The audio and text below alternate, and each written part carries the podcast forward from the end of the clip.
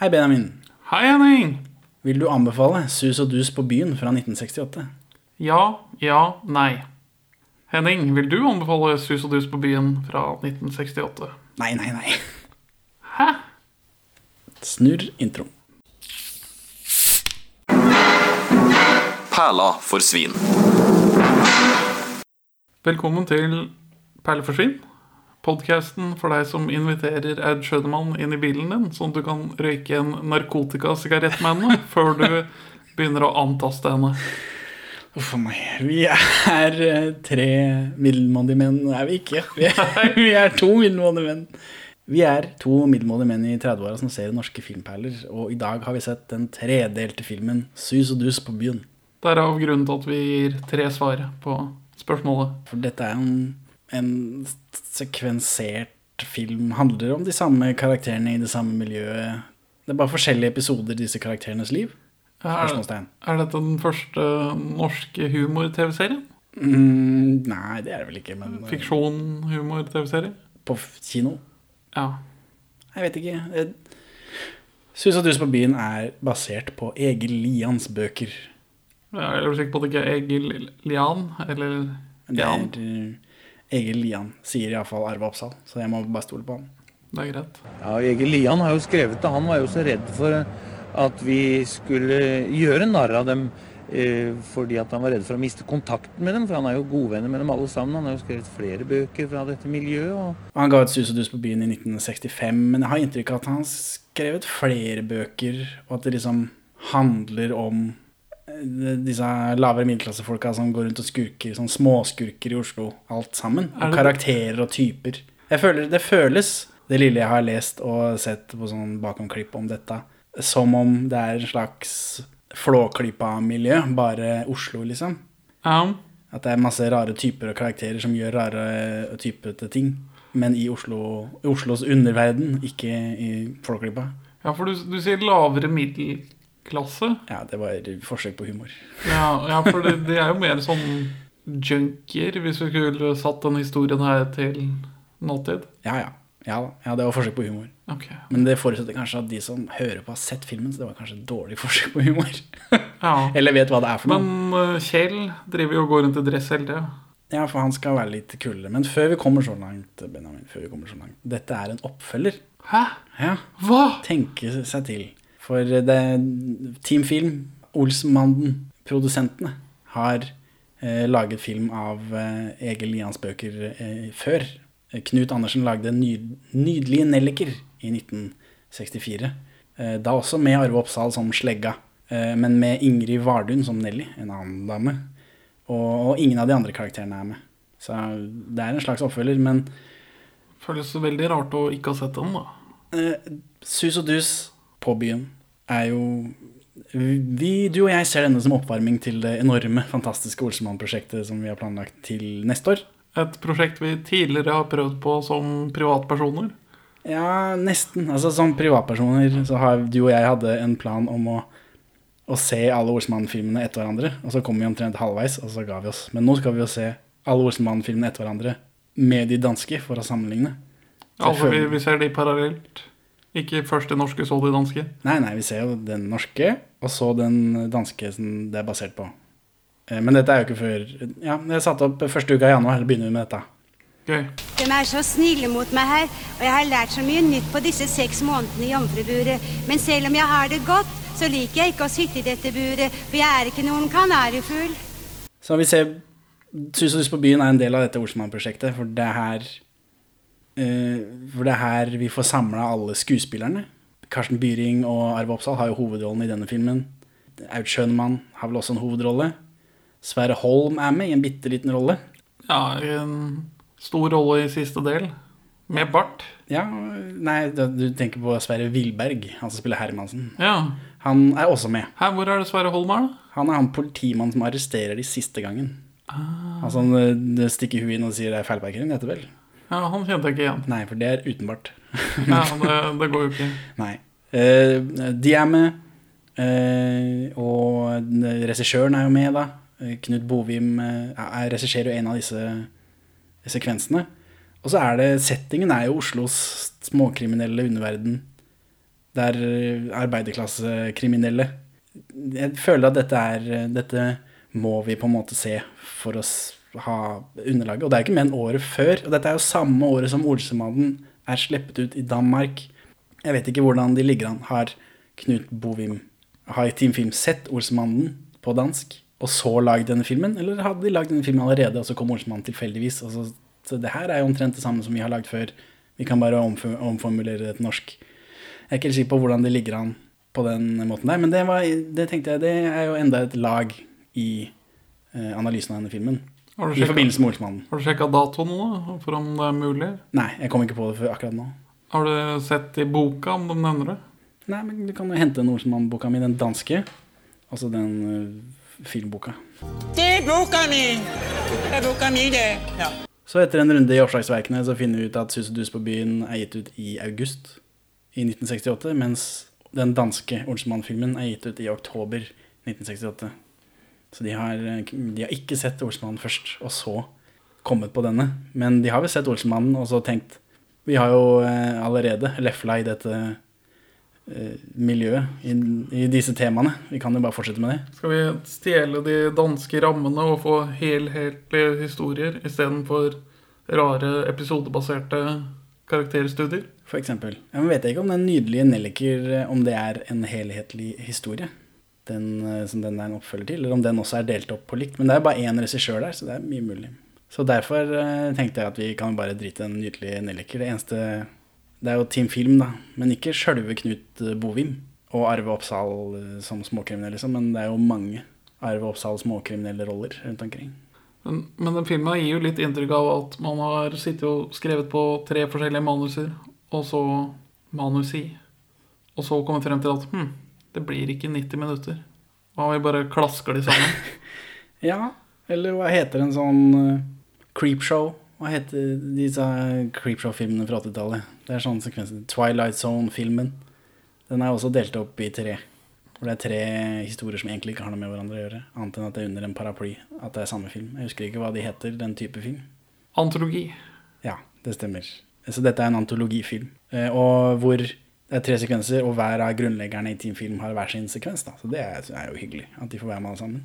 Ja, men det som ikke er så hyggelig, er jo at det er Bovim sin som er dårligst. Ja, eller jeg syns de var ganske dårlige alle sammen, for å være ærlig. Men, eh, men den første er iallfall den desidert lengste. Det er det. Eh, det er jo Knut Andersen som har regissert den. 'Oss rosemalere imellom' heter denne sekvensen. En forlokkende, merkelig tittel.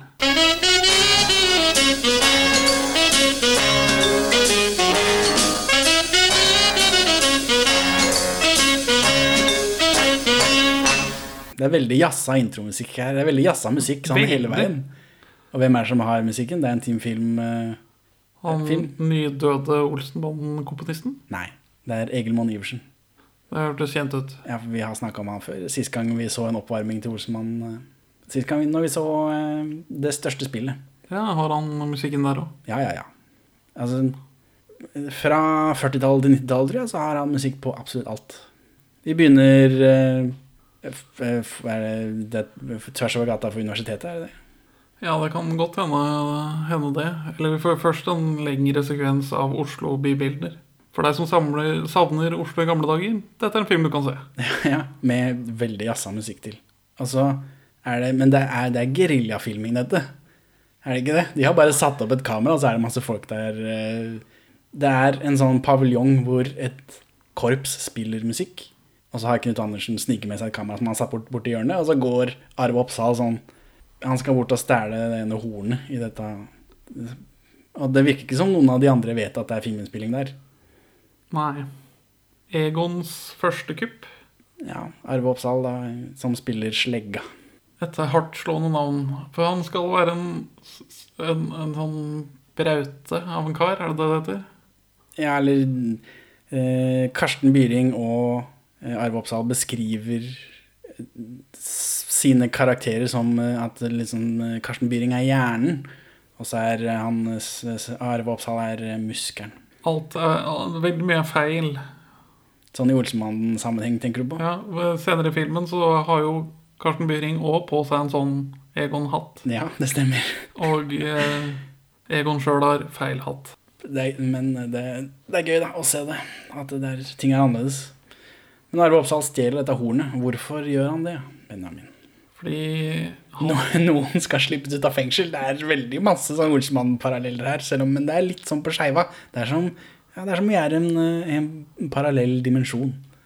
Ja, altså hvis det hadde vært en eksplosjonsartet eh, brann på det danske Olsenbanen-settet, så hadde vi jo fortsatt fått en sånn bisarro Olsenbanden her i Norge. Ja, Virker det som. ja. ja. Jeg vet ikke, men hvorfor stjeler han Arve dette hornet, da?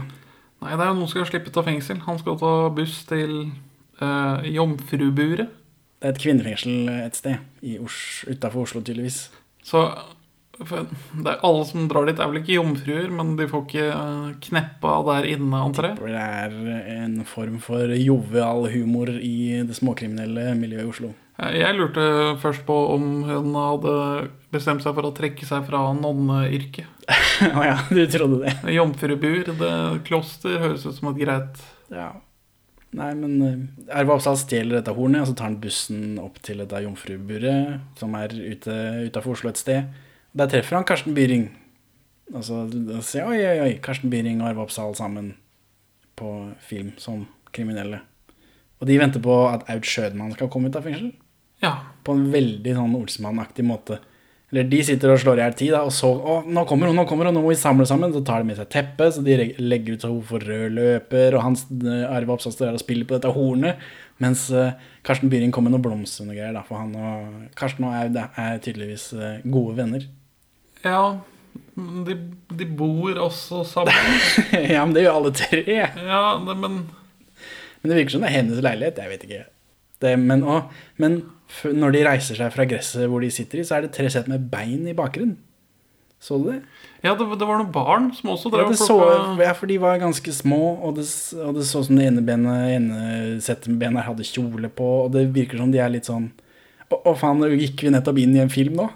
Ja, det, men det, virker sånn. Det er bare Ja, for de blir ikke De blir ikke eh, referert til, vi ser det ikke før. eh, Vi er- ser det ikke etter. Jeg tenkte kanskje har de hatt en scene hvor disse barna plukker Og så kommer de bort til disse skurkene som sitter i gresset der og spiller kort, eller noe og da skvetter de opp, og så løper de av gårde. Men øh, det fins ikke noe tegn til det. Hvorfor har de ikke filma det en gang til? var det eneste jeg tenkte på. Film er ikke gratis. Nei, det er det I hvert men, fall uten statsstøtte. Nei, det er sant, men de to meterne der sånn kunne en småsa på seg. Ja, det- når, det, når det helt tydelig marsjerer tre øh, folk som ikke skal være med i bildet, inn i bildet. men, menn. Eh, noen vil kanskje kalle det sjarm. Eh, jeg vil kalle det latskap. Ja, Egon spiller brudevals på det ordet, tror jeg. Det vet jeg ikke. Jeg la ikke merke til. Det er nok spilt inn i studio. Mye av eh, talen og musikken her. Lydeffektene. Eh, også når Kjell gir Valborg en klem Jeg kommer til å referere til dem med korrekte navn. Siden alt annet føles veldig rart. Korrekte navn. Ja, ja. Aud Ja, ja. og Nei, det, Karsten. Karsten og han siste går ikke. Arve. Arve. Nei, nei, nei. Det blir Slegga, Reven og Nelly.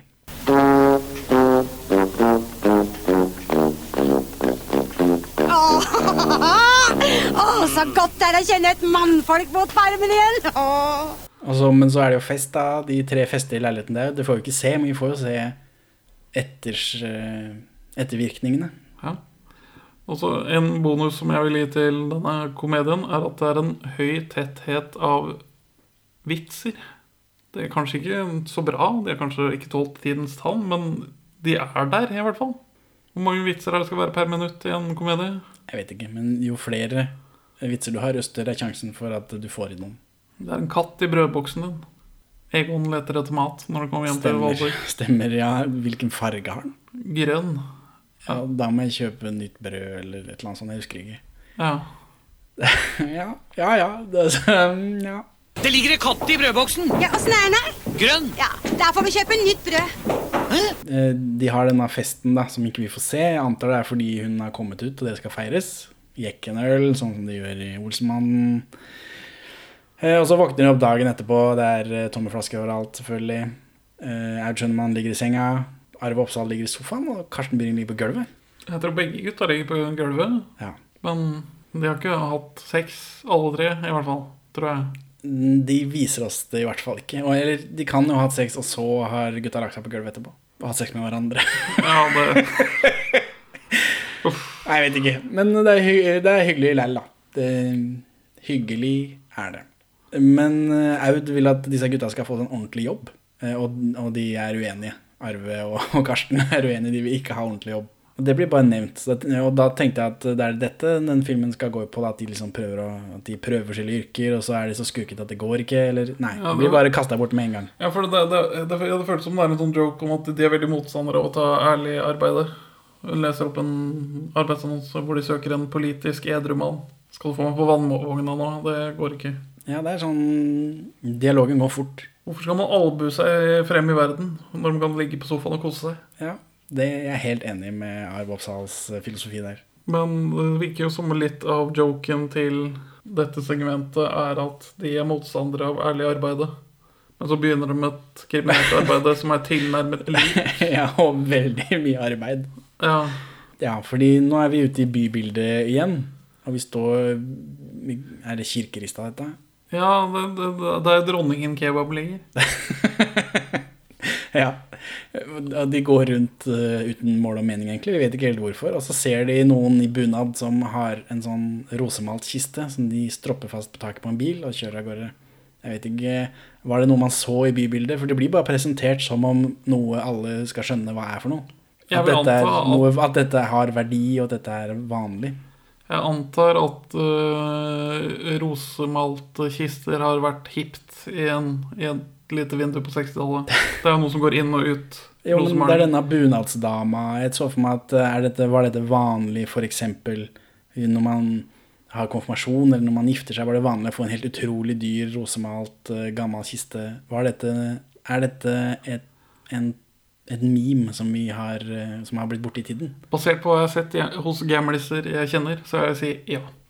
For det ble bare, presentert som en dame i, i bunad med rosemalkiste. det, det betyr penger. Og akkurat det hoppet, det, jeg tok det jo, men jeg skjønte ikke helt. ja. Hvorfor har Kjell dress selv om han er lasaron? Jo, for han er hjernen. Han vil jo gjerne være litt høyere på strå enn disse andre. Han vil være litt kulere. Og nå har jo, dette er jo en tid hvor alle går med dress. Bare i forskjellig eh, slitthet. Han har jo eh, blazer på seg, han eh, Arve Oppsal også. Selv om Ja. ikke den passer så godt. Ser jo ikke like fjong ut. Nei, men det er fordi Karsten Byring prøver å se fjong ut. Han tror han er bedre enn andre. Det er vel en karakter, et karaktertrekk vi kjenner igjen fra Olsmannen. Men hva er det Nelly har lært i fengsel, da? Hun har lært å rosemale. Så hun har en rosemalt veske? Ja, for det lærer de på arbeidsstua i fengselet der. Kan ikke få damene til å spikre paller. Nei, nei, nei. Jeg vet ikke om europallen er eh, systematisert ennå. Jeg vet ikke, men eh, Sven Nordin lærer jo eh, Han syr vel, gjør han ikke det? Hekler, et eller annet. Han lager dette bildet til Otto Jespersen i Burning 2. Ja. Så det er mulig det er bare kvinnehåndverk. Klassiske kvinnehåndverk som også menn kan utføre. Eh, som han får lært i fengsel i norsk film. Så, men de ser jo denne, denne kista, og det viser seg at Aud eh, er en jævel på å rosemale. Og det er det visst mye penger i? spørsmålstegn. Ifølge filmen så er det det. Filmen tar det for gitt at vi skjønner at det er mye penger i rosemaling. Jeg, jeg samtykker som sånn samledust. ja. Samtykke. Men det, er nå, det som gleder meg nå, er at de går jo til den bruktsjappa i Storgata. Det fins jo en Eller det er vel fire bruktsjapper i samme gård rett ved siden av sprøyterommet i Storgata i Oslo. Ikke kjent med. Så det er veldig gøy å se dagens bruktsjappe også være en bruktsjappe på 60-tallet. For de skal kjøpe seg en vogn for å trille rundt kister med. De Reven, Karsten Byring, har en plan. Ja, Han sier det også. 'Jeg har en plan'. Og på en av de scener her sånn, så han har en plan, og så tror jeg han har en genial plan også. De bruker ordet 'genialt'. Jeg vet ikke. Det er veldig Olsenmann-aktig. dette dette. er en Nordsmann-prequel. Så, men planen er Rundt omkring i de fjonge villaer i Oslo så er det mange gamle kister på loftet, er tanken hans. Så hvis vi bare stjeler dem, og så rosemaler vi dem, og så får vi mye mer penger for dem enn vi ville fått om vi bare stjal gamle kister. Ja, Er det korrekt? Det er planen. det, det er planen. Ja, så da tar det denne tralla, og så drar de til et eller annet villastrøk, og så er det ikke helt forklart hvordan de kommer seg inn på loftene deres, men det virker som De har en nøkkel og må bare jokke litt med den. Jo, men det virker som det er en egen inngang kun til loftet, som ikke har noe med huset å gjøre. Det virker som alle disse rike villaene har, sånn, dette, Det ikke- har det botsystemet som, eh, som eh, gårdene Men det er ikke villaer, det er jo bygårder. Altså, det, er en, det er en oppgang, og så går de opp til loftet. Liksom. Men hvorfor skal det være gamle kister eh, i bygårder, da? Jeg trodde litt av poenget var at de skulle ha litt fancy gamle kister som de skulle male. Før kofferten ble oppfunnet. Alle har en gammel kiste stående. Ja. ja, for det er det jeg skulle si, at det virker som alle disse villaene har samme bod og kjeller og loftsystem som eh, bygårder. Ja. Og hvis det er bygårder, så er det, løser det Det er bare bygårder de bryter seg inn på. Ja, det ser du. Da løser jo det det mysteriet. Men eh, det virker som det er mye mer slepphendt og sikkerhet rundt eh, oppganger i 1968 kontra i dag. Jeg vet ikke, Er det så mye sikkerhet, da? Det er jo disse hønsenettingbodene. Du kan jo bare klippe deg tvers igjennom fra den ene til den andre. Ja, men å komme deg gjennom den første døra, og så den andre døra Ja, men de dirker, ikke sant? De, de har jo noe dirkegreier her. De, jeg forstår det. Altså, De skal stjele en gammel kiste, og oppi den kista, hva er det som er der, Benjamin? Der er det ille mye pornoblader. Ja, men det er bare sånn naken dameblader, da. Det er ikke Ja, det, altså, det er ikke full on penetration. den verste råpulinga i bladformat. Men uh, da får vi kanskje norsk films første metavits. Reven Kjell. Han ser på Han bretter ut en sånn ekstra stort eh, bilde av en dame i et blad, og så viser han det til kamera og hever på øyenbrynene. Han deler det direkte til publikum. Det er ikke noe fjerne vegg her. Tydeligvis ikke. Uh, og så er det et, det er et eh, klipp eh, til Valborg som går hjemme og rydder og vasker og venter på de. Og da nynner hun på Sound of Music. Det stemmer. Edelweiss. Hun synger Edelweiss, men det er litt senere igjen. Nei, for, det er Sound of Music først, og så er det et senere gjenklipp hvor hun synger Edelweiss. Å ja. ja. Sound of Music er jo også Elveis. Er det, men det Ja, men det er jo en nazisang. som er med i Sound of Music. Ja. Siden den er satt til nazitida. Altså, det er tydelig at Aud Schønmann nettopp har sett Sound of Music eh, inne i Jomfrubua der. Sound of Music kom i 1965. Ja, Den kom i 1968, så det er fullt mulig.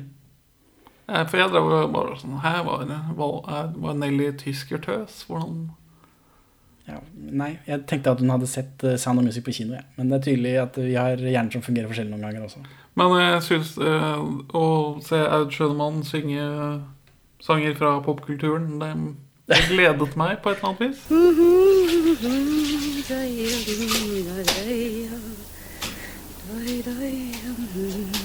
Sound of music Men i, denne, i forbindelse med de pornogreiene, så, så er det, arbeid de, Karsten Byring er jo veldig sånn reven. Han er jo hevet over dette, dette griseriet. Og nei, fy og fy så fælt, og så titter de på det, ikke sant, den humoren der. Og så legger de sånn fra seg Nei, sånt noe griseri, det vil de ikke ha noe med. Og så skal han uh, Arve Oppsal han sier ja, det kan hende vi blir bura inne, så jeg må ta med noe lesestoff. Og så gjør han det. Så, men de har en sånn vits som om det er verre Som om det er De har en sånn vits som om det er verre med porno enn det er å stjele ting. Og jeg er ikke helt sikker på om det er humor, eller om det bare er fakta i 1968. Jeg opplevde dette som filmsensursatire. At hvis de kun hadde inntatt porno i den sekvensen her, så hadde dette blitt klippet bort. Men siden de tongue in cheek er kritisk til porno, så er det greit at det forblir i. Ja, det var det jeg lurte på. Er liksom, får man verre straffer om man blir tatt med et pornoblad i, i Norge, 1968s Norge enn eh, om du har vært og naska? Det kan godt være. Ja. Men altså, de sier jo at det, direkte, at det er moralsk nedbrytende. Og nakne kvinnfolk er det verste jeg veit. Liksom, ja, han sier det. Morsomt. Dette er Det må jo være satire. Ja, akkurat den biten der skjønte jeg var humor, men sånn når han tar med seg dette ut, så er det, de snak, nevner at det er liksom det, De får det til å høres ut som det er verre med å ha porno enn det er å, å stjele ting. Men det er samtidig en stor og interessant oppgave for statsadvokaten å gå gjennom alt dette. Det er det. Men så jeg, jeg tror dette peker rett på de som sitter og sensurerer norske filmer. Ja. Og sier at vi dis, viser at dette er noe negativt. Dermed kan det forbli i filmen. Ja. Selv om han viser det frem. Og, altså, Dette med porno og eh, myndigheters håndtering av pornografi eh, vil jo komme tilbake i Olsemann også. Men eh, det får vi se når det kommer så langt. Det er bare, de vil ta noen av de samme vitsene en gang til. ja, jeg hadde jo antatt at pornogreia kom direkte fra Danmark, men det er jo fint å se at pornohumor har sin rot i norske forfatterskap. Ja, ja, det er veldig fint. Blir vi huka nå, så ryker både vi og så i kista. Da blir det vel varetekt med bladforbud, så jeg tar med meg litt lesestoff. Det der kan koste deg friheten, slegga. Eh, Og så går, går de forbi Slottet. Kjempegøy. Morsomt. Tjuvene foran slottet. Og så selger de den kista for 100 kroner etter at de har rosemalt den. Stemmer ikke det? Jo. Det er en ganske grei profittmargin. Hvis du betaler ingenting, så er det klart 100 kroner er jo bare Det er jo profitt. Men så er dette utført arbeid, hvor mye arbeid verdt? For det er Nå blir det jævlig mye kistegreier. Nå er det en montasje hvor de stjeler kister i, i alle kanter og bauger, og de maler. Aud Schønmann maler kister. De, eh, han, disse kistene skal jo også Den malinga skal jo også eldes, og det gjør de med hagle og sandpapir, og det er veldig mye Litt for mye kistegreier, egentlig, for min del. Jeg kunne egentlig fint klart meg med kanskje halvparten av de kistegreiene. Jeg skjønner hva, det, hva som skjer. Ja, det holder. Poenget er tatt nå. Så det er en sånn montasje, og så er det fortsatt kistegreier, men nå slutter vi med montasje. Arve eh, Oppsal og Karsten Byring eh, de skal stjele en, en kiste på et loft, og da kommer det en raring. Eller de lukker opp døra, for her skal de stjele et eller annet, og der inni der er det en raring med en and. Ja, det skjønte jeg ikke. Jeg tenkte at det her, det må være en eller annen Det må være en lokal Oslo-person som folk vet hvem er. Ja, jeg har det er enten det eller en annen hypotese. Mm, Og det er at det er Ibsen-humor. For Ibsen var jo en raring i Oslo. Han gikk den samme ruta frem og tilbake hver dag og var en sånn karakter i bybildet. Eh, For denne raringen han sier, sier sånn Ser dere den anden der borte? Ja, den er der. Det er ikke noen alminnelig and. Nei, den er ikke tyrkisk heller. For det er en villand. Ja, jeg skjønte ikke noe av det. det skjønte jeg ikke noe. av. Og vi får ikke noe innklipp av at det faktisk er en and der, så jeg er ikke sikker på om det er en and der. Hvorfor skulle det være en and oppe på det loftet? Det var veldig rart. Og så bare ja, ja, ja, sier de, og så blir de sånn forskrekka. De, for de også syns han er en raring, og de vil ikke ha noe med han å gjøre. Og så lukker de bare igjen døra. Og så begynner han å skyte. Men, Det men veldig, han- for han har en gunner. Å ja, det, er- det husker jeg ikke. Også, men det er en ekstremt dårlig skytelyd. Og så lukker de i døra, og så sier Karsten at han kjenner den. Ja. øh, jeg har hørt om en, han skal være litt gæren. Og da tenker jeg, er det, er det Ibsen-humor? Er det, Det er det en av karakterene i Villanden som de Nei, men er Villanden Er det såpass Er det Det er ikke, det er ikke Peer Gynt, Nei. liksom. Ja, jeg vet at det er et, et, et stykke som heter Villand, og Ibsen har skrevet det, men noe mer enn det. Jeg vet, Handler det om ender? Jeg aner ikke. Det er noe skyting i Villanden. Det er det eneste jeg husker. Ja, ikke sant? Men så hvis noen har svar på denne vitsen her, send inn til oss per e-post eller per Twitter. Eller legg igjen en melding når du vippser til meg. 41653144. Ser dere den anden der borte? Hva? Du, and? Ja. Ja, ja. Der. Det er ikke noen alminnelig and. Hæ? ikke det. Og ikke noen tyrkisk and heller. Nei visst, Nei, visst, nei for det er en villand! Ja, ja, ja. Stikk av. Hva er det? Eh, Snodig typighet. Kjente du den? Hørt om den. Skal være litt sånn gæren. Og så kommer det noe sånn western pianomusikk, hvis du skjønner hva jeg mener. Jeg skjønner hva du mener, men jeg la ikke merke til det, for det, var, det soundtracket var eh, Det andre har jo vært jazz. Nå er det sånn der harpsikord-piano. Jo, jo, men jeg, eh, jeg kobla litt ut på en måte. Jeg tenkte at eh, det soundtracket her hadde vært eh, veldig fint uten den filmen. Tenkte, Ja, jeg, Den filmen er egentlig litt forstyrrende. Det er veldig fresh musikk i filmen. Ja, synes jeg. Det var jo noe sånn løpe ned trappa fordi de er redd for en sær skroting som skyter og snakker om ender. Ja, Hva er en tyrkisk and? jeg aner ikke. Jeg skjønte ingenting av den sekvensen der. Av den biten der.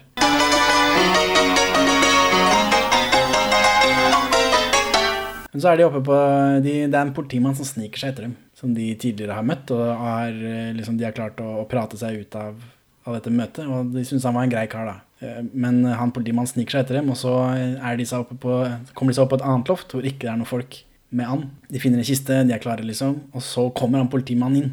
Og da vet de ikke helt hva de skal gjøre, og eh, Arve Oppsal later som han er et bilde. Han tar en sånn tom ramme, og så står han bare inni der. Det er klassisk hvitt, men eh, morsomt utført. Ja, det fungerte godt her. Første gangen, da, riktignok, for det første gang Karsten Byring, Arve Oppsal, de er stressa. Nå kommer det en politimann, hva gjør vi?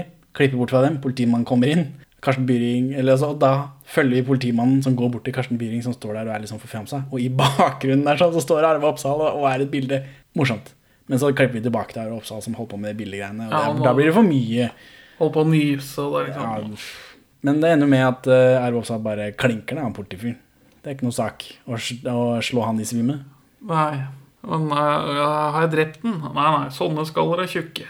Ja, ja det er noe, noe snakk om det, da.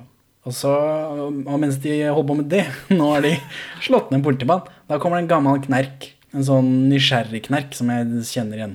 Veldig, Ja. veldig gjenkjennelig type. Ja, En sånn ensom knerketype som bor i den, og, den gården her sånn, og, og hver gang det kommer en eller annen hvem som helst som har et ærend der, om, det er, om du har bestilt en pizza, så skal han prate med han pizzagubben. Du kommer ikke unna. Han var 100% autentisk i sin gjennomføring av den rollen. Absolutt. Jeg har møtt den typen der så mange ganger. ja. Du- Vet du hva jeg tror har skjedd? Nei. At Ja. han bare har kommet inn, at de har filma i en bygård, og så kommer han fyren. Ja, så er det sånn, kanskje, du skulle, kanskje du skulle vært med og satt fingeren på noe veldig spesifikt i den norske folkesjela? Ja, kanskje det. Men hva skjer når han gamle knerken kommer, da? For de kan ikke bli tatt med en bevisstløs politimann. De må gjemme han politimannen. Ja, så Og da, det gjør de oppi kista. heldigvis er dette den største kisten de har vært borti så langt. Og da kommer han gamle knerken, og han er en sånn som ikke vil gi seg. Så når de skal ha med seg den kista De skal jo fortsatt stjele den kista, så da må de ta med seg den med han politimannen oppi. For de får ikke jaga ut han knerken og så lempa ut han politimannen. For sånn fungerer ikke de, den type knerker. Nei. Den type gamle gubber. De, de går ikke bort. Det er, du må gå fra dem. Nakne kvinnfolk er det verste jeg veit.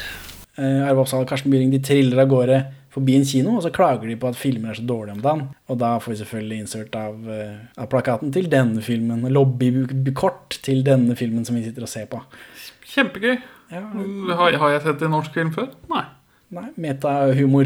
Det er friskt å se. De triller av gårde på den svære, tunge kista på denne vogna, og da kommer det De roter rundt ute i bybildet. Det er mye roting ute i bybildet med denne kjerra. Det er biler. Biler eksisterer, mens de har kjerre. Og så kommer det en annen politimann og blander seg når de bare er ute og går med den kjerra. Ja, fordi de driver og roter i trikkesporet. Det blir veldig mye tuta på. Det er mye, mye greier. Og så er det noen kleinhetshumor ved at de kjører forbi sånn seks trikker på rad, mens politimannen vet på å gå og kjefte på dem. Eh, men, så han, politimannen skal liksom, skal se oppi den kista, det er mye greier, men da de henta den kista, så tømte de den først, oppi der lå det gammel eksemplar av Norges lover. Som, så Karsten Byring har den på seg ennå. Så da slår han opp i Norges lov og sier nei, nei, nei, sånn kjøretøy, det, da må du ha motor og sånt, og du har ikke liksom hjemmel til å plage meg. Og det synes jeg var morsomt at han satte den på plass. Ja, Fordi eh, all cops are bastards. eh, Men er gris slang for norsk politi? Det er jo det her i denne filmen i hvert fall, og det har vel vært det. Purk er jo Ja, purke. Ja, ja. Pigs. Så i denne filmen så bruker de det. purke er kvinnegris. Men burde ikke politiet være råner? Jeg skal ta det opp i møtet neste gang på eh, Blitz. Gjør det, du. Så han har med seg Norges, Norges lover, og setter han liksom på plass, men det hjelper ingenting. De blir tatt med til stasjonen for det, liksom. For han politimannen sier 'lokk opp den der kista'. Nei, nei, nei, det går ikke. Og så begynner han politimannen oppi kista og våkner og lager lyd. Og da sier de at 'å nei, vi har en, en, det, er en vill, det er en gris oppi der, du kan ikke lokke den opp, for da stikker den av'. Bla, bla, bla. Masse greier. Og de skal på slaktehuset på Grønland. Og i gamle, gamle dager så var det faktisk eh, slakter på Grønland som var hovedindustrien der. Var det i nærheten av kjøttbyen? Så da blir de, men de blir tatt med på stasjonen, da. Eh, Sånn uansett. Fordi For dyreplaging, liksom. Ja, er uvisst. De skal, de skal trille denne kista med den levende grisen fra Grorud til Grønland. Det er strabasiøs ferd for en innestengt gris der. Ja, så eh, altså Det blir jo til slutt bare De kommer inn på dette politihuset, det er masse politifolk der selvfølgelig, og så blir de tvunget til å lokke opp. Da er det jo en politimann oppi der, da. Så, og de fortsetter hele tiden, og sier at det er en gris, og nå er den grisen er midt i bingen, og det er liksom Jeg skjønner hva dere driver med, men så morsomt er det ikke. Fastholder deres forklaring. Ja. Det at det er en gris. Så, og da kommer de i fengsel. Klipp til Valborg som venter på de utafor. Ja. For hun, det eneste hun egentlig gjør i denne, er jo å male litt, og så vente. Ja. Og så kommer det en sånn fryktelig rar kråkelyd. Jeg vet ikke om det skulle være et bilde på noe jeg ikke forsto. Ikke la merke til. Hun ble referert til som en fugl i bur når hun slapp ut. Jeg vet ikke. Altså, dette er jo en gjeng med løse fugler, så, Ja, så hvem vet? Fastholder de deres forklaring? Ja. Og nå er grisen kommet midt i bingen. Det der kan koste dere et par måneder ekstra. Skynd dere å få satt oss inn da, før han får sagt noe mer.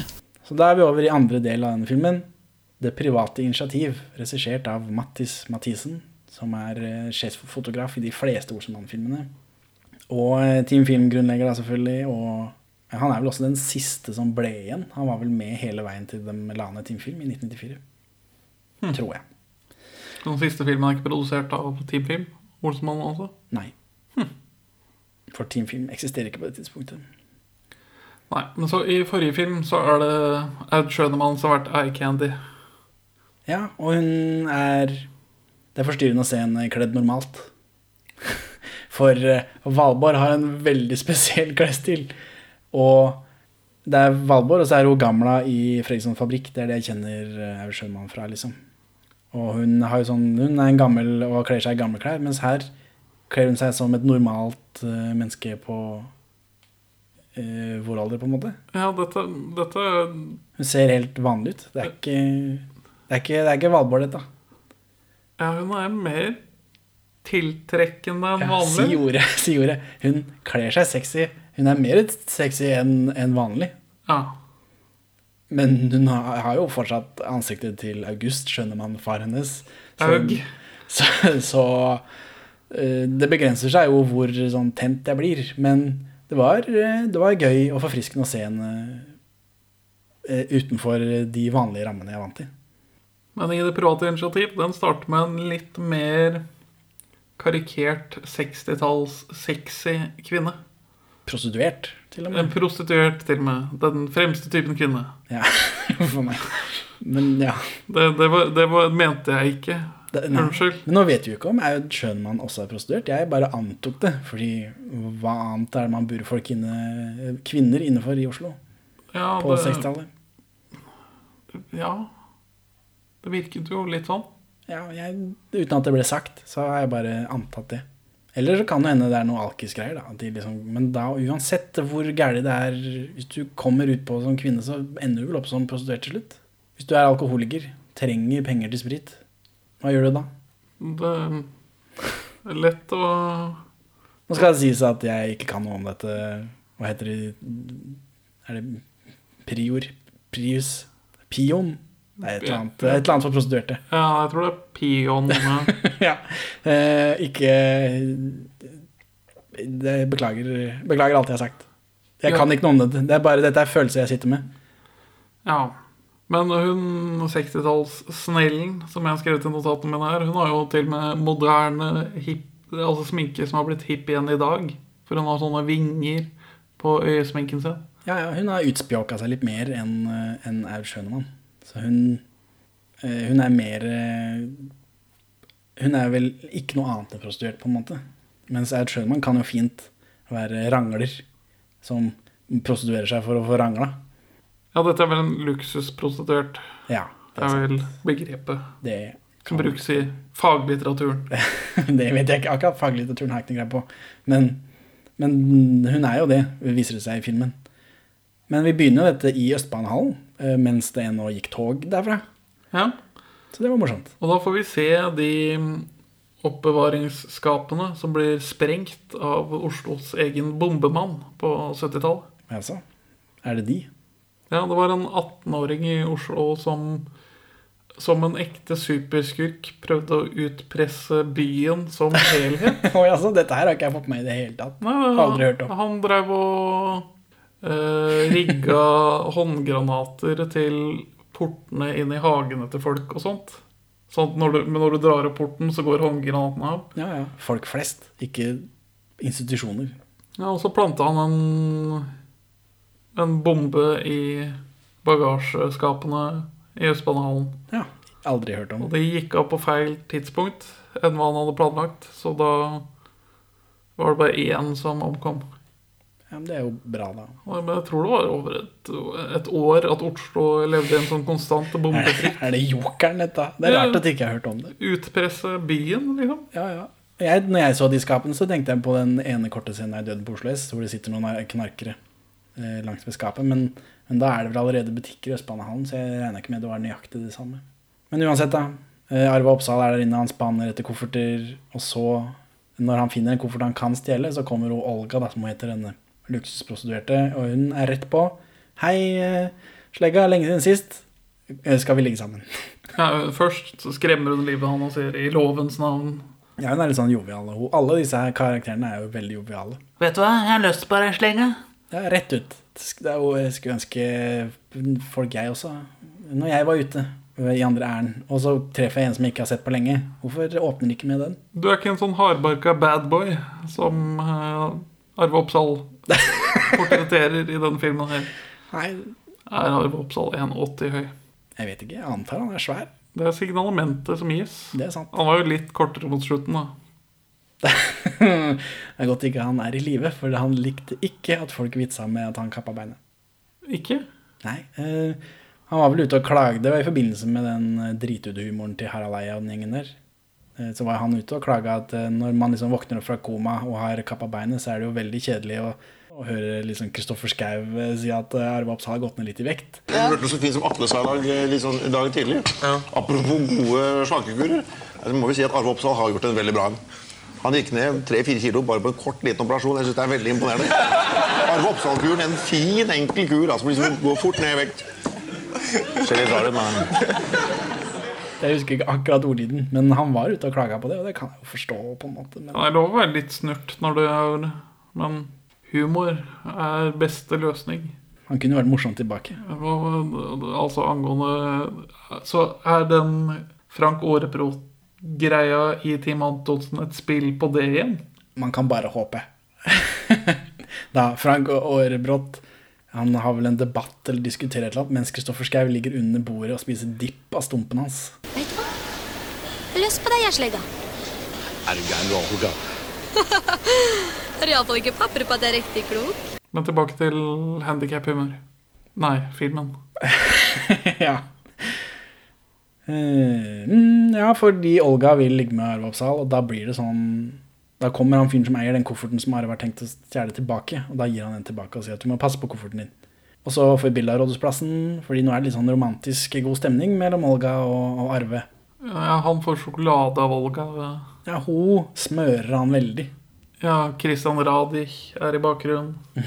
Arve Oppsal blir oppvarta og smørt, da. For det viser seg jo da når de kommer hjem til henne, og enten før eller etter coitus. Ja, det er, det er før coitus, for vi, vi får et fantasiøyeblikk til å tenke på coitusen deres. Huff a meg. Men uh, hun driver jo og klager over spirrevippene som prøver seg på henne, og gresskarene Ja, med hvitt merke. det jeg Etter spurte jeg tilbake på jeg For jeg skjønte ikke helt, jeg hørte ikke helt hva det var. Var det det hun sa? Og det var det hun sa. Jeg antar at det er hvitt merke etter ringen er jo fordi de har tatt av seg. Ja, de er gifte. Men den gresskarbiten Ja, for Er det ikke et uttrykk som er gressenkemann? Altså hvor man later Ja, som at man er Ja, det er sant. Det er sant. Er det det det er? Altså at en gresskar er en liksom-enkemann. Tydeligvis. Ja, det var, det var en morsom film. Det tok litt tid for meg å få det fram, men det var morsomt. Men hun vil jo ikke ha noen av de, for hun vil ha et realt mannfolk som deg, Slegga. sier hun. Men så viser det seg at hun vil jo egentlig bare prøve å lure han til å drive med sjekksvindel. Fordi hun har nappa til seg et sjekkhefte, og da trenger hun noen til å eh, late som de er han som eier sjekkheftet. Og da virker det som de to skal gå sammen i banken i fine klær og være rike og gjøre dette. Ja.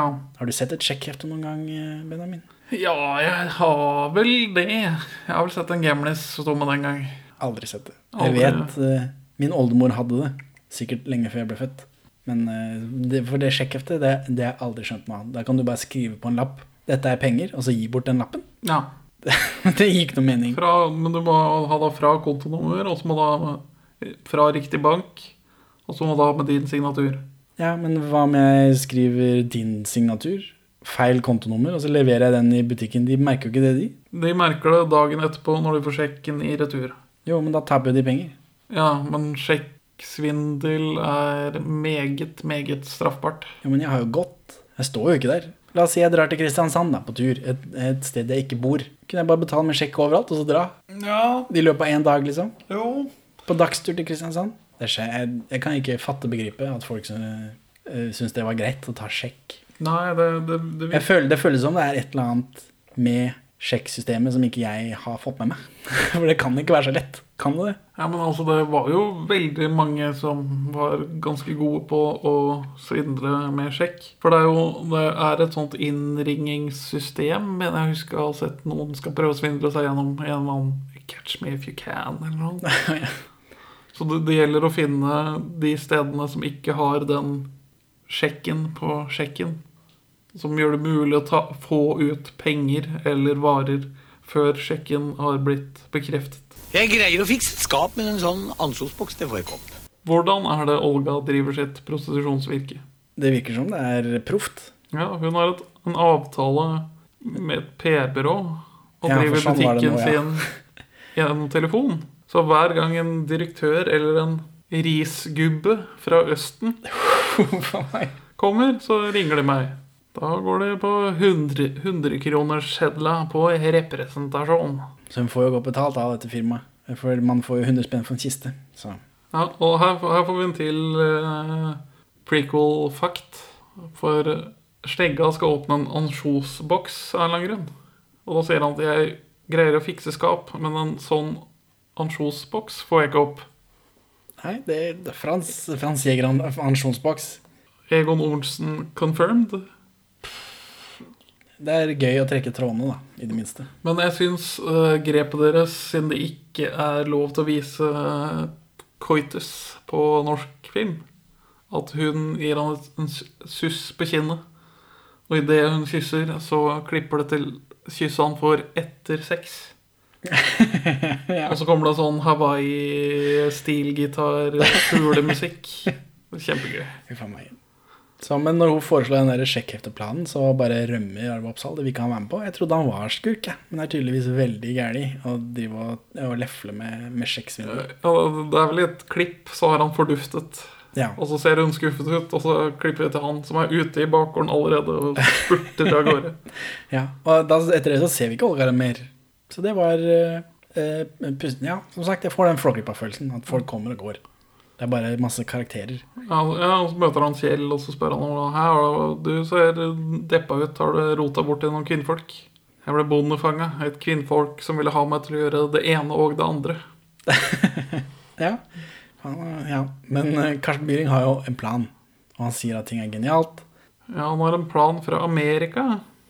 Ja, fordi i Amerika så dyker de sopp, da. Men det er, den lange forklaringen på planen er ikke så veldig nøye. Poenget, det de ender opp med, er at de skal starte et drivhus. Eh, og de må stjele startkapital. Og jo, så skal de lage sin egen gjødsel, som skal være mye bedre og mer effektiv enn vanlig gjødsel. Og så skal de bli rike på det. Norsk Hydro og noe greier. Ja, de skal gjøre Hydro sin gjødsel gammeldags, så det er bare sånn mm, De har store planer, ja. Ja, men også title drop. De skal vise det private initiativs håp, eller noe annet. De må i hvert fall stjele noe som ikke jeg helt forsto hva det var før etterpå. Ja, og Så kommer det en kran jeg føler jeg har sett i en Olsen Mann-film. De har jo en kran der hvor de Egon Olsen står i en bøtte med sement, og så blir han senka i vannet. Det er vel med en kran. Ja, men det føltes som det var samme bøtta som hang på den krana. Så jeg vet ikke om det er Jeg tror det var sånn de gjorde i gamle der Bovims private kran. og bøtte. Ja. Bovims private bøtte. Team Films bøtte. Og så skal de men Altså, da må lage en ny film. Ja, det- hva er det vi har her, da? Mm, ja, vi har jo den bøtta, da. Skal vi lage film av den? Ja. Men den, så de starter med å rane en byggeplass på Metal Gear Solid-måten. Arve Oppsal sitter inne i en eske som han bare Han går rundt i den esken. Han blir også sett, men det virker ikke som de bryr seg noe særlig. De som, I humor og med så bryr de seg ikke noe særlig, de som jobber der. Nei. Så han stjeler da to sekker med noe. Jeg tenkte kanskje det var sement, eller noe sånt, så skjønte jeg ikke helt hvorfor de skulle ha det til drivhuset sitt. Ja, det er er det så mye penger i sement? Det er sementsekker, er det ikke det? Etterpå så bruker han jo de sekkene når han blander gjødsel, så jeg regner med det er gjødsel. jeg. Hvorfor skal det være gjødsel på en byggeplass? Vet ikke, skal, eller hva er det man har Hva er det dette Man lager jo sprengstoff av gjødsel. Ja, nitrogen. Ja, er det, er det noe med det å Eller, gjøre? eller hva, hva heter det Nitroam... Nitrogen, ammoniakk, Ja, det er noe sånt. aminosyrer. Ja. Jeg tenkte kanskje det hadde noe med det å gjøre. Vet ikke. Men de- skal jo lage gjødsel med et hjemmebrentsapparat. Ja, ja. Det kjente jeg igjen som et hjemmebrentsapparat før de Påpeker det. Ja, jeg har vært på loftet til bestefar. Det, jeg har sett det apparatet der før. De skal blande tradisjon med nymotens vitenskap. Men jeg vet ikke helt hvor, hvordan sprit blanda med sement skal Nei, være krutt for planter. var, jeg tror ikke det var sprit de blanda med. Det var vel mer sånn at eh, vi skal bruke tradisjon, eh, gjødseltradisjon, og så skal vi liksom fikse det opp og gjøre det bedre. Men altså, politiet Det blir jo bekrefta at det er sprit som er lagd med det apparatet der. Ja, før i hvert fall. Det, her lukter det sprit, sier han. Nei, jeg driver med Men eh, før vi kommer så langt De har et drivhus midt ute ingen steder. Og så holder de på inne i drivhuset, og så kommer en snutejævel og bryr seg.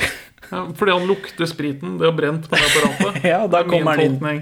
Og så sier han her lukter det sprit lang vei. Og så driver de og nei, nei, nei, vi lager gjødsel og greier. Og så blir det jo hauka inn da for det. Ja, men de prøver å si at nei, nei, det- det er ikke vi som Dette er et AS som eier dette, dermed er det lov. Det, Ja, for det, det er medisinsk sprit.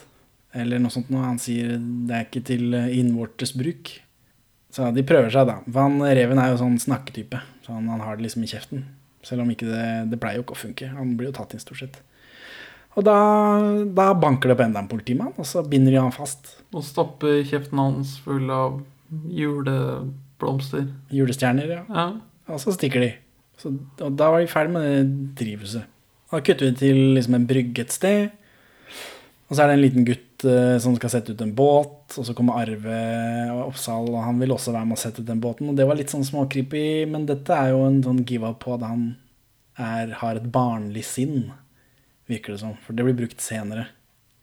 Eller vist senere, om ikke det blir brukt så mye. ja, at han er en litt sånn søt type. Ja, ja, eller at han, han er venn av barn.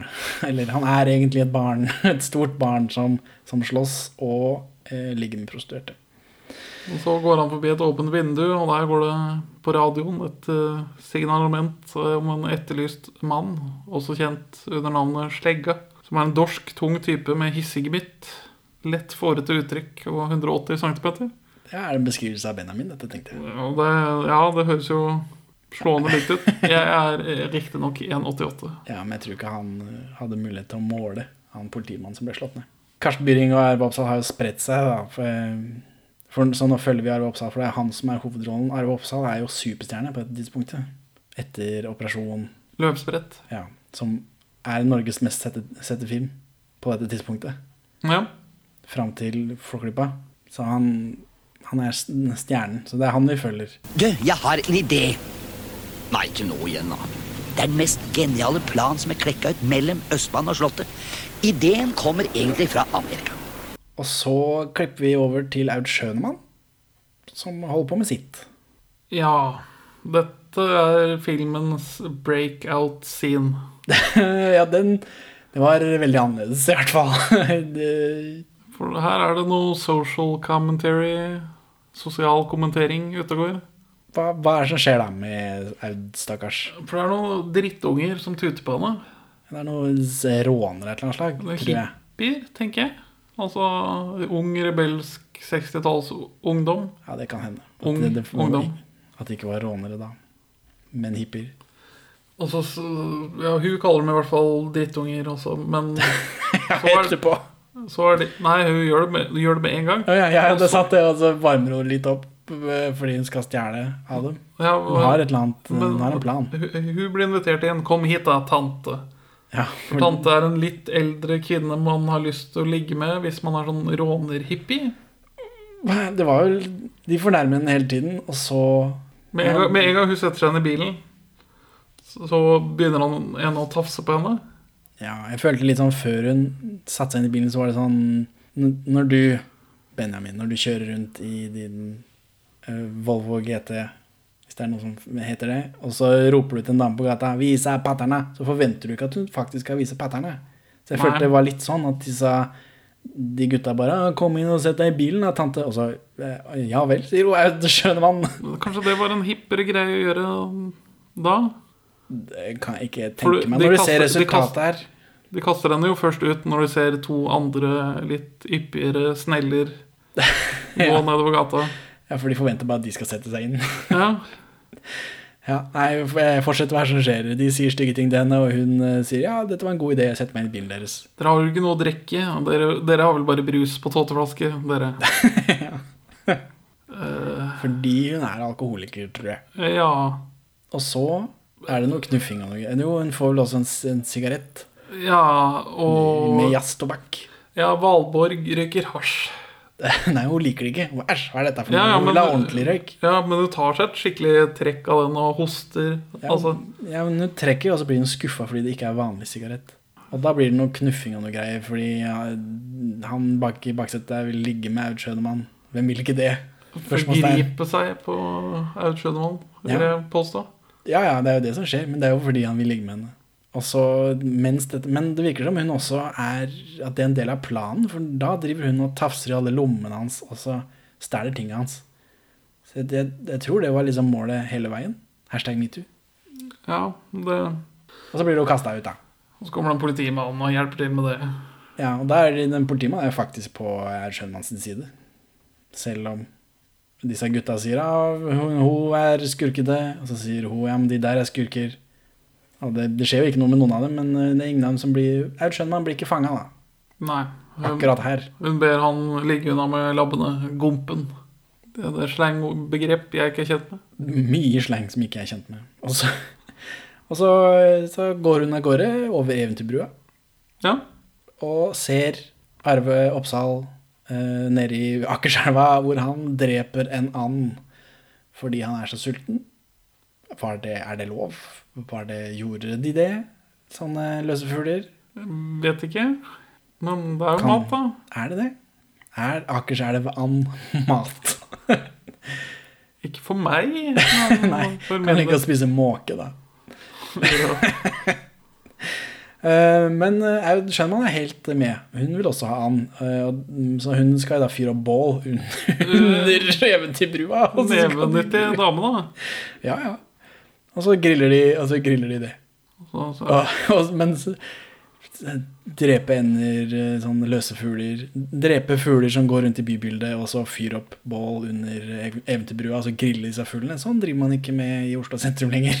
Nei, det har, det har skjedd en endring rundt aksjer, i hvert fall siden 1968.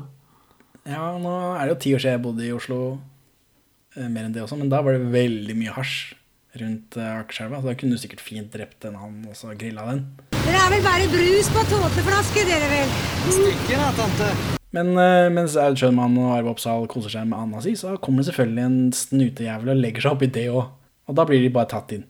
Og i dette, og Ja. før det så, så har Aud Schønmann har gitt bort den klokka som hun har stjålet av han råneren, han hippiefyren, til slegga, da, Som hun ærlig har funnet på gata.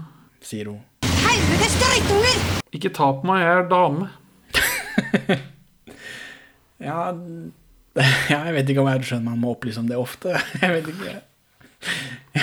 Å, beklager, jeg trodde du var den store komistjernen fra 20-tallet. Aug skjønner man. Fordi du har akkurat samme utseende og kropp, egentlig. Ja, hun er vel litt kortere. Enda kortere. Aug er ganske kort. Ja, jeg- ja men han er så tynn, vet du. Han ser lang ut.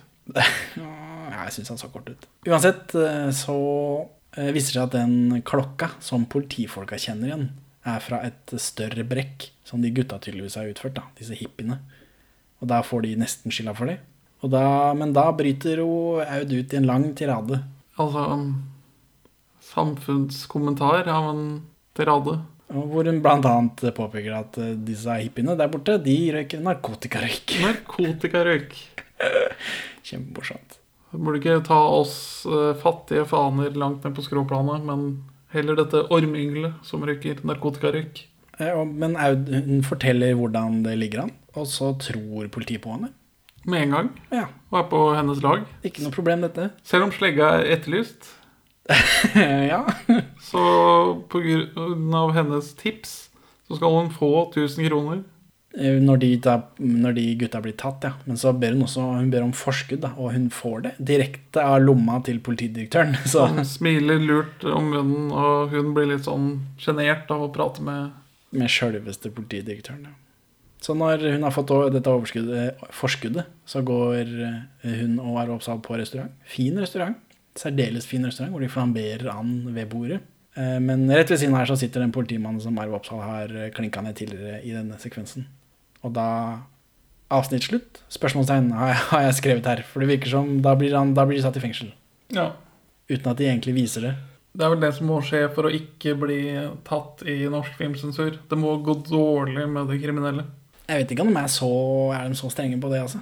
Jeg tror det var mer det at det er det som skjer når de avslutter eh, avsnittet. På en måte, at Det er en grei avslutning. Alle kommer i fengsel. Nytt avsnitt. For nå er det nytt avsnitt. Og det er vel en synkende kvalitet og en synkende lengde Ja, Det blir kortere og kortere, i hvert fall. ja, på Jeg syns kvaliteten var ganske laber hele veien. Jeg, jeg syns den første var, mors var morsom, og den andre var halvmorsom, og den tredje var umorsom. Men dette siste avsnittet, det er det Knut Bovim sjølveste, Olsmann-regissøren, som står for. Det heter Fyrstenes testamente. I motsetning til jazz så starter det nå med norsk folkemusikk.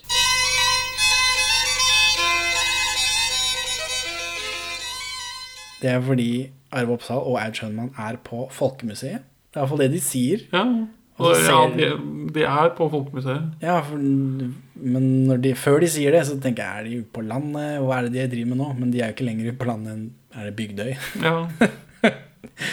For de står og ser på en eh, fyr i bunad som har en sau, og de er sultne. Eh, De dreper jo, vill, de dreper jo and vanligvis, men nå vil de drepe og grille en sau. Nei, det, hun, Aud vil lage fårikål. Ja, med den sauen. Ja, da, man griller ikke fårikål. Nei, nei, men de skal i hvert fall drepe den sauen, da, og så liksom håndtere dette for hånd, tydeligvis. Og da slår A- Arve Oppsal ned han fyren i bunad, og stjeler bunaden hans. Med en sånn boing-lydeffekt. Ja, for det er humor, da. Ja, men er, det er det Bat- 60-talls Batman vi ser på, liksom? Hæ? Hæ? Hæ? Det var det. Kapow, bow, tjow. Er du for en kakesnobbe? Så da stjeler han bunaden og sauen. Og en skulle jo tro det var mer penger i den bunaden enn det er i sau. Og bunad er faen så dyrt, ass. Men i gamle dager så var det jo bare vanlige klær. Ja, det kan hende. På 60-tallet. Ja. Og så er de ute og går med denne sauen i Oslo. For de skal vel ta med den et sted for å drepe den, sikkert. Da treffer de en jævla snutt som blander seg igjen. Faen, ass. Snutt overalt her. Eh, Arve påstår at den sauen er en hund, Tibetansk fårehund. Og så rømmer de. En Bokstavelig talt en ulv i fårklær. ja. ja, det er mye sånn sauepøns akkurat her. Og, da, og så rømmer de fordi han portmannen han, han biter ikke på. Nei, han skal opp og ringe til Ja, for det virker som det er sånn har ikke sånn polititelefoner rundt omkring i bybildet. Så han skal bruke en sånn polititelefon, da. Så han sier han portmannen, nå står dere her, og så skal jeg gå og ringe. Og så står de ikke der, da.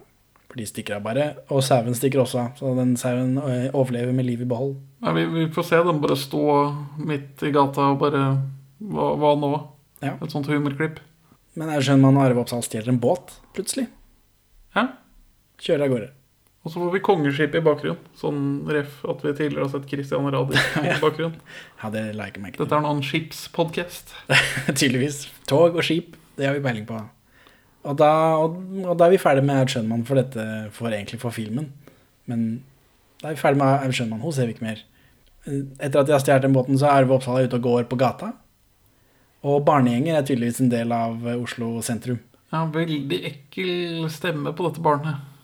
Ja, for nå kommer det en gjeng med barn som løper nedover eh, gata. Ja, det gadd jeg ikke å skrive ned engang. Men ja, nå også, ja, en gjeng, barnegjeng løper forbi Arve Oppsal, og så blir han veldig sånn Å, hva er det som skjer? Og så løper han etter, og så går de rundt hjørnet, og så kommer den barnegjengen, til, barnegjengen tilbake igjen, og så kommer han etter også, og da har han mista interessen plutselig. Hva var vitsen der? Eh, har ikke peiling. At han har et barnlig sinn? Tydeligvis. Men hvorfor de løp fram og tilbake, aner ikke. Det er sånn barn gjør, kanskje. Jeg vet ikke. Det er uklart for meg. Men eh, det, at disse barnegjengene rekker rundt i Oslo sentrum ennå, det Ja ja. Er det sånn nå, du som bor i Oslo? Ja. Det er mye kriminelle barn? Ja. ja. I gjeng? Du driver jo knivraner folk på T-banen og sånt. Jo, men er det ordentlig Det har vært en økning i det- barnevold i Oslo de senere år. Men er det gateguttgjenger, da? Er det det? Det er det jeg vil ha. Ja, det er vel sånne spa-gjenger, da. Ah, ja. Den typen. Hvis ikke, hvis ikke Pål Bang-Hansen er med, så er jeg ikke interessert i gjengen din. Slegga!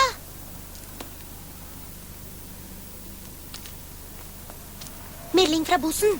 Arve Oppsal får beskjed av et barn Det er her den ekte barnestemmen kommer inn. Et barn Et barn, Et barn. kommer bort til Arve Oppsal med en dorull. som er et telegram fra fengselet. Ja. Fra en eh, karakter som ikke vi har sett. Altså, Bossen. Ja. Fra Bossen. Bossen. Jeg, jeg, jeg, jeg er dette en utedass et sted i Oslo hvor kriminelle sender meldinger til hverandre for å skrive på dopapir? Jeg tenkte at uh, man skriver liksom på dopapir i fengsel. Og så perler man den over muren? Liksom. For eksempel. Eller når man skal skrive til hverandre V for Vendetta, den, uh, når hun, uh, Natalie Portman sitter i fengsel, sånn, så leser hun en lang historie på dopapir. Det er sånn man gjør. Man skriver på dopapir. Så det skjønte jeg. Ja, det var jo en fange under krigen som skrev Satt og prikket inn sin historie på dopapir i Møllergaten 19. Som, og så droppa han det ned i lufterillene på cellen sin. Og så ble fangeskipet hans senket på vei mot Tyskland. Og 695 av 700 fanger døde. Og, men en av de som overlevde, hadde han han hadde tilfeldigvis fortalt til en av de få overlevende at han hadde gjort det hele krigen. Så kunne man finne hele hans manuskript. Så det, det er noe som skjer. Så dette er noe lignende. Ganske nøyaktig det samme. Så nå skal han til Kjell for å fortelle han om hva han har funnet ut. Ja, for hva står det på dette? Det er et uh, grevens testamente. Fyrstens testamente heter det sekvensen her. Men er det bak Olsenbanden-huset nå? Jeg syns jeg er kunne kjenne mulig, igjen noen alle- likheter. Alle disse bygårdene er jo Er ikke det det samme, da? Hos Martin, denne sitcomen som Jeg vet ikke om noen husker den eller bryr seg om den. Men den fronten på den kafeen er jo samme bygget som fronten på den Olsenmannen-kafeen Lefsa. Så det er gjenbruk. Det er hardt gjenbruk. Ja, men Men om det er akkurat samme, det vet jeg ikke. det så veldig likt ut. Men hva står det på denne Hva er fyrstens testamente? Hva står det i den dorullen? Han har skrevet ned hvor han har oppbevart pengene for alle postranene sine og bankbrekkene sine. Ja, det, er vel, det blir vel ikke uttalt som penger, blir det det? Det er vel skatt eller verdiene. For det viser seg at det er jo ikke penger til slutt. Spoilers. Og grunnen til at han har gjort det, er fordi at han er redd for at pengene ikke vil ha noe verdi når han kommer ut pga. inflasjon. ja. Og da får vi noe pengepolitikk-satire. Er det, var det det det var? Jeg trodde det var eh, straffenivå i Norge-satire. Eh, Og han fikk mer enn et halvt år, sier de. ja, men det er jo et tegn på at pengepolitikken i Norge på 60-tallet har gjort at krona har falt i verdi. Ja, jeg har ikke tenkt over at det altså, har altså, vært dårlig stelt med pengepolitikken i Norge. Hvis du har stjålet masse penger, og de ikke har noen verdi etter et halvt år Så, så pengepolitikk-satire, det hadde jeg ikke forventa her. Nei, nei. Men vi, har- vi har hatt ganske streng pengepolitikk siden Jeg er ikke helt sikker, men vi sleit vel litt etter krigen en periode. Hvem slet ikke etter krigen? Men, Japan og Tyskland. Ikke? Det tyske økonomiske miraklet og det japanske økonomiske miraklet. Å jo, men de slet jo litt sånn generelt. Ja, de hadde noen eh, skjeletter i skapet. I alle fall, disse, for de ligger gjemt i en bil, disse verdiene hans. Og da skal de bare dra og Ja, men den bilen er hos en brukt bilforhandler. Og så drar de for å prøve å bryte seg inn der, men det blir ikke noe greie på fordi Arve Oppsal blir så redd av en hund. En Ja. ulv med spisse tenner. Og så, da går de heller inn dagen etterpå. De kler seg ut som, eh, som rike forretningsmenn i majonesbransjen. Her kommer det mange Det er mye rare majoneshumor herfra og ut. Nei, jeg vet Det var ikke så gøy der, og da, men det er gøy når jeg sitter her sammen med deg og forteller om det. Ja, for hva, Han sliter nå med armen sin fordi han har vispa for mange egg. Og det, Ja, nei, de, skal, de kommer vel til det sikkert, men Arve Oppsal skal jo prøvekjøre denne bilen. Og da når han, han kan tydeligvis ikke kjøre, så hver gang han gjør et eller annet gærent, så sier han at det er fordi han har vondt i armen, for han ja, visper for mye egg, fordi han er sånn deldirektør på den der majonesfabrikken de har funnet på. Det er mye greier. og så er det noen sånn fortfilm når de kjører. Kjempegøy. Ja, men før vi kommer så langt, så har Karsten en Byring på seg en bowlerhatt. Og hvem er det som driver denne bilforretningen? Det er jo en be bebartet Hermansen. Det stemmer. Sverre Wiberg fra Fredrikstad. Illemanne. Mm, født og oppvokst i gamlebyen. Sånn OG Fredrikstad Ing. Væring. Ja, jeg tenkte mer du ville satt pris på at han er født og oppvokst i et festningsverk. Ja, det er jo gøy. Men hva, hva heter en som er fra Fredrikstad? En Fredriksdøl? Eh, vi i Moss kaller de bare idioter. Eh, Men det viser seg at den bilen er solgt til en dame og, med, som skal hente den, og så begynner disse gutta å by over. Nå er vi oppe i ni. Den, hun har kjøpt den for 9000 kroner. Hun skal bare hente pengene. Nei, 8000 kroner. Hun skal bare hente pengene, og så byr de ni. Og så kommer hun dama, og så blir det sånn budkrig-greier, og så foreslår de at de skal kjøre av gårde. For Arve Oppsal og Karsten Byring er jo ikke egentlig så interessert i den bilen. De vil ha det som ligger i baksetet, inni trekket, tydeligvis. Så de vil bare ha tak i dem, så da kan vi kjøre en tur, liksom. Og så får eh, Karsten Byring sitte baki og prøve å lete med hendene bak i setet der, sånn, om han finner noe. Og så sitter hun andre dama der også, så blir det litt sånn tafsehumor. Igjen. Igjen. Ikke like ubehagelig den gangen her som fordi eh, Karsten vil jo egentlig ikke tafse, han vil bare ha tak i disse pengene. Mens disse, de hippiene til Aud Schønemann, det var ikke bra. Nei, det var ikke bra. Så det ute og kjører er noe sånn kjørehumor fordi Arve Oppsal ikke kan kjøre bil. Krasjer i ting. Det er fortfilm. eh, Det er jo litt av en bil, da. For et flak. En ordentlig sånn med Cadillac med vinger. Ja, det er en amerikansk eh, røver. Men altså, de krasjer den jo ikke i noe ordentlig. da. De kjører på tomme pappesker som Ja, står ja, ja. stabla. Ja, ja, det er jo eh, De må jo levere tilbake den bilen igjen, regner jeg med. Han stopper bilen på et tidspunkt fordi det går for galt. Dette er ikke bra. Og da kommer politiet, en snutejævel, og blander seg. Og dette er Sverre Holm, Benny. Uten bart. Han har ikke bart i den første filmen heller, tror jeg. Kjenner ikke igjen i det hele tatt. Nei, det er forstyrrende å se han uten bart. Og Tidemann har bart. For meg så er han og Tidemann uansett hvor mange år som han filmer han er med i. Så, men da, nå er hele gjengen her, da. Ja. Alle disse er rundt og i denne bilen. Kanskje Basse var det barnet med den ekle stemmen. Det kan hende. Med unntak av Aud Sjødmann, da, selvfølgelig, som, ikke, som ligger bak i bagasjerommet, regner jeg med. Og Da er det noe sånn botgreie, de skal få bot, og så sier han Karsten Byring nei, nei, jeg kan betale kontant, se her med alle disse pengene. Og så drar han opp det, for da har han funnet dette baki. Og så drar han opp det uten at han har sett på det, og så viser det seg at det er bankbøker. Som jo ikke er kontanter, men bevis på ran. Er verdipapirer, eller hva, hvordan Jo, men du har jo bare én. Din bankbok. Har du flere bankbøker, så har du jo stjålet fra andre. Så det er vel det de reagerte på. Ja, så ja. Dette var bankbøker. Og så blir han sånn ååå. Og så kommer de i fengsel. Og det er slutten på filmen. En time og kvarter. En time og elleve minutter. Ja. Skal sies at den VHS-strippen på YouTube var helt utrolig dårlig kvalitet på. Så jeg ble sint av å se på det. ja, den har vel nå 20 minutter med Med snø på slutten. Ja. Det var jo gledelig at det ikke var så lenge Eller filmen var så lang som man trodde.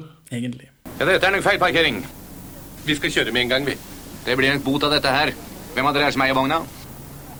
Hun dama der har kjørt oss opp i elendigheta. Eh, hvorfor vil du anbefale to tredjedeler av denne filmen? Nei, jeg syns eh, avsnitt én var morsomt, og avsnitt to var halvmorsomt. Og så er det veldig gøy å se gamle Oslo, da. Altså, Blir du ikke nostalgisk for noe du ikke har opplevd sjøl? Nei, det var det. Så Og siste avsnitt, da? Hvorfor vil du ikke anbefale det? Det var kjempedårlig sammenligna med de to andre. Det er bare en bitte liten historie som ikke er en historie, og så for lav tetthet av fungerende vitser. Så hvorfor vil ikke du anbefale denne, Henning? Det ser ut som Det ser ut som det ikke Jeg fikk inntrykk av at det skal ikke så mye til å lage film i gamle der. Det var ikke så mye de trengte. Eh, Dette er veldig labert eh, nivå. Eh, Det var kjedelig. Det, er, det var helt ålreit å se i forbindelse med vårt større Olsmann-prosjekt. Men det er jo ikke bra. Det virker så meningsløst. Det er Det er ingen ordentlig liksom, gjennomgående temaer, på en måte. Du har noe sånn en ekko, som George Lucas ville sagt. It's like poetry, so that it rhymes. Ja. eh, De blir liksom, det er politiplager, liksom innsetter seg selv og plager, plager dem, og de kommer i fengsel og sånt. Og det er det, men det er ikke noe overhengende tema. Det er ikke noe følelsesmessig å henge seg på. Jeg syns ikke det var morsomt. Det er, sånn, det er noe sånn tegneseriehumor som ikke funka så bra for meg. Og så var det ingen karakterer som du liksom får noe forhold til. Det er mange fine bilder av gamle Oslo, eh, som du sier, men det er jo ikke morsomt, og det er vel poenget med en komedie. De få satiriske stikkene trekker opp for meg. Ja. Når man gjør narr av porno og pengepolitikk. Det er litt sånn jøss. Pengepolitikk tok jeg ikke, og den pornoen det var heller ikke bra nok satire for meg. Så, og det er i hvert fall ingen grunn til å se den bildekvaliteten vi har sett i.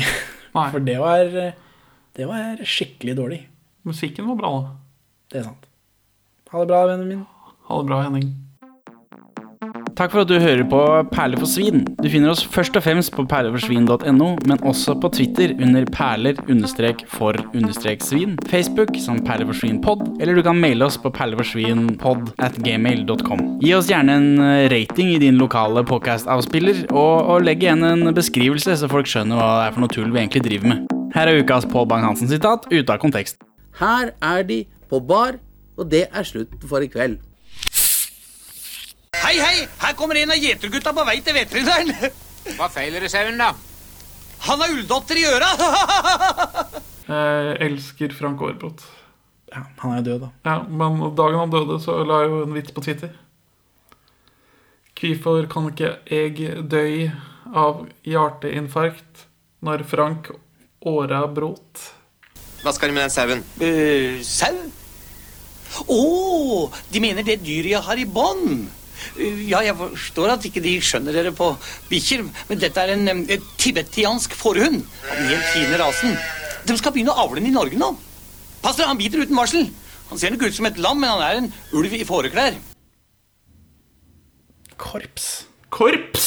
Er det korps utafor her nå? Korps! Ja, for faen, vi så jo en med tromme når vi kjørte ned til der du skulle hente den bassgitaren din. Det er ikke 17. mai nå. Nei. Det er ikke oppvarming til 17. mai. Siri, hvorfor er det korps utafor hos Henning? Ikke noe svar. Har du iPhone? Nei. Nei. det-